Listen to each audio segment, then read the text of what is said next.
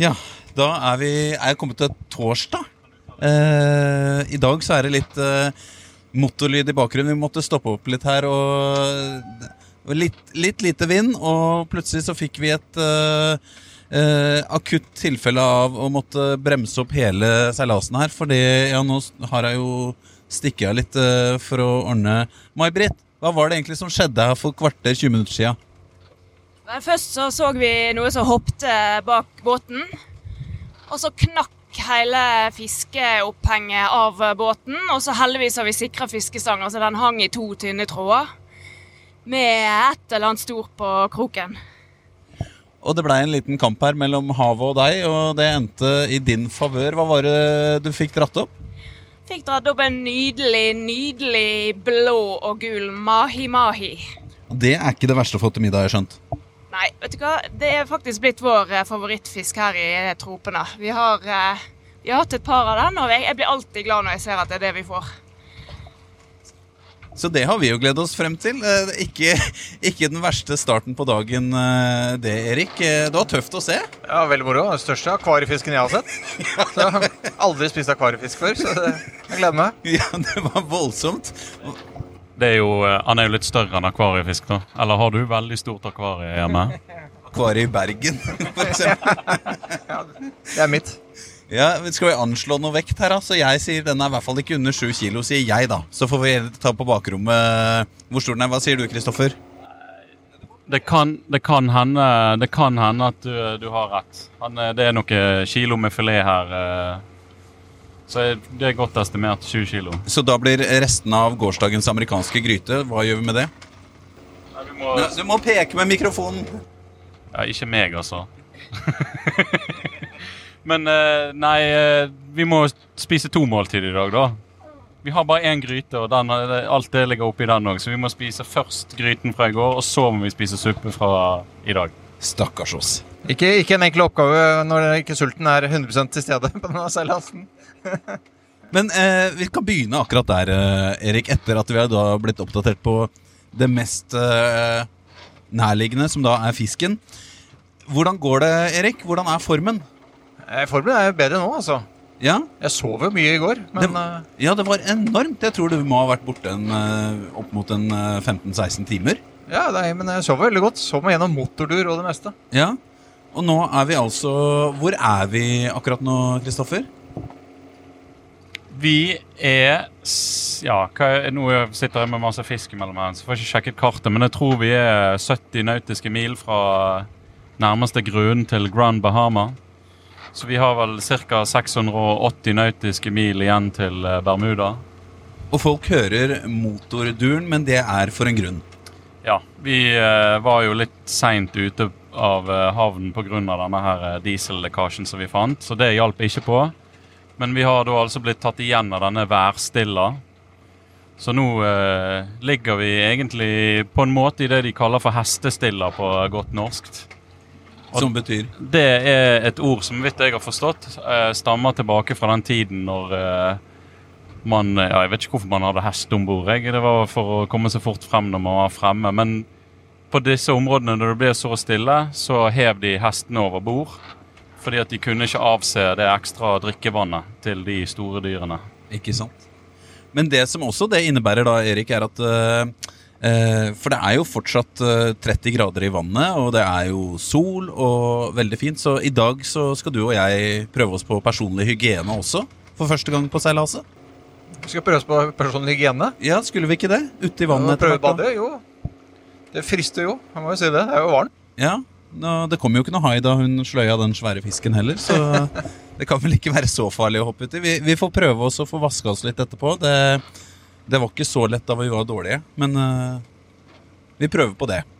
Uh, ellers så Ja, nå er jo May-Britt uh, Hva er det May-Britt gjør for noe egentlig nå? Nå, Erik, mikrofonen. Jeg tror uh, May-Britt eh, bare fester bommen fordi at eh, vi har såpass lite vind nå at uh, hovedseilet står og slår. Ja, Så vi vi får ta det ned når vi er ferdig med opptak. Ja, vi skal gjøre det. Nå kommer May-Britt her også. Uh, det var én ting til. Vi har fått inn spørsmål vi, på Facebook-sida, May-Britt. Angående dette her Det er flere som har tatt opp dette med å, være kvinnelig kaptein i tropiske strøk. Og det har du noen erfaringer med? Ja, nå har jo vi seilt litt eh, og, og prata med et par stykker som rett og slett bare nekter å og f.eks. for eksempel skrive meg opp på papirene som kaptein, da, for de ser at jeg eier båten sammen med Kristoffer. Så da er det en eh, ren antakelse at eh, det er Kristoffer som er kaptein. Og hvis jeg retter på det, så er det sånn No, no. It's uh, no. The captain, not the crew. Så, så det har vært litt, uh, litt overraskende, faktisk. Hva syns du om det? Nei, altså, jeg skjønner jo at det kanskje ikke helt vanlig, men uh, det blir mer og mer vanlig. Vi kjenner mange jentebåter på tur her, bare, bare damer som seiler, så de har jo snakket litt om at de har samme problemet. Og det verste er jo at det er faktisk kvinner som tar innsjekken, spesielt i Europa, som har vært verst. Men her i Karibien har jo noen gøye sitater. Når, du, når vi kom til Barbados, så gikk jo du inn for å sjekke inn, og så spurte Hva var det han sa til deg? Ja, altså, jeg har aldri hatt problemer når jeg sjekker inn hos uh, her i Karibien, men jeg har fått litt spørsmål, som f.eks. Uh, etter jeg har sjekka inn, så, så sitter han og ser på meg, og så sier han So How does it feel to be a female captain? Og det kunne du jo svare på. Ja, det føles eh, vel eh, helt eh, vanlig, det. Jeg vet ikke helt eh, hva jeg skal si. Veldig bra. Men når vi har snakka om fisk, og når vi også snakka litt om at uh, dere to er jo da et par og eier denne båten sammen I går så fikk vi besøk av et annet par. Høres kanskje rart ut, midt ute på havet. Men det gjorde vi faktisk. Erik, hvem var det som kom? Har du glemt det? Nå er ikke jeg noen fullekspert, men jeg velger å kalle det papegøyer. Det var bitte små papegøyer. Altså, Jeg er ikke helt sikker, men jeg tror det var svale. De hadde svalehale. De, de fløy rundt som svaler. Så de, de kom her og hadde seg en liten hyrdestund på hekken. Rett og slett. Rett og slett. Som vi også skal dele video av etter hvert. Ja, Og så satt de seg opp på løken. Rett og slett. Rett og slett. Og der satt de over natten og gjennom hele natten og skeit. Så den skal vi vaske etterpå, den løken der. Men svaler også med andre ord papegøye. Her i Karibia kaller det alt papegøyer, tror jeg. Her er alt papegøyer. Hvis noen lurer på om det er eh, vakkert å være på vannet når det er stjerneklart om natta, og seile gjennom hele natten og få med seg soloppgangen, så har jeg svar på det. Ja. Ja, Det er et av de beste øyeblikkene hittil, altså. Ja, altså, jeg, jeg har jo vakt sammen med Erik. Og så uh, satt jeg de første to timene, og så satte han seg på. Og så var vi så Jeg våknet opp etter to timer eh, søvn her oppe i cockpiten. Og da spurte jeg Erik om han var klar for å gå og legge seg, og så sa han nei, jeg er ganske våken, jeg kan sitte litt til. Så jeg la meg rett ned igjen og sovnet som en stein.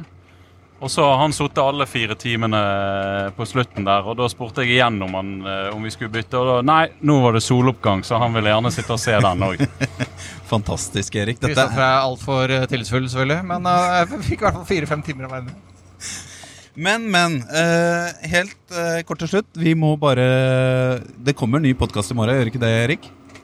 Eh, jo, så vidt jeg vet. Veldig bra. Eh, og så må vi si det. Vi har fått også tilbakemeldinger om at eh, folk syns at det er veldig god lyd, og er litt forundra over det. At eh, de har spurt sitter dere egentlig i kjelleren hjemme hos Fredrik og gjør alle disse opptakene. Vi er altså på seiltur, men vi har fått låne fantastisk godt utstyr av min gode venn og tidligere kollega Lars Emil Bjørnestad, så det må vi også ta med. Men ellers så sier vi da skip ohoi. Nå blir det mahi-mahi til middag etter hvert. Det blir bergensk fiskesuppe med dorado.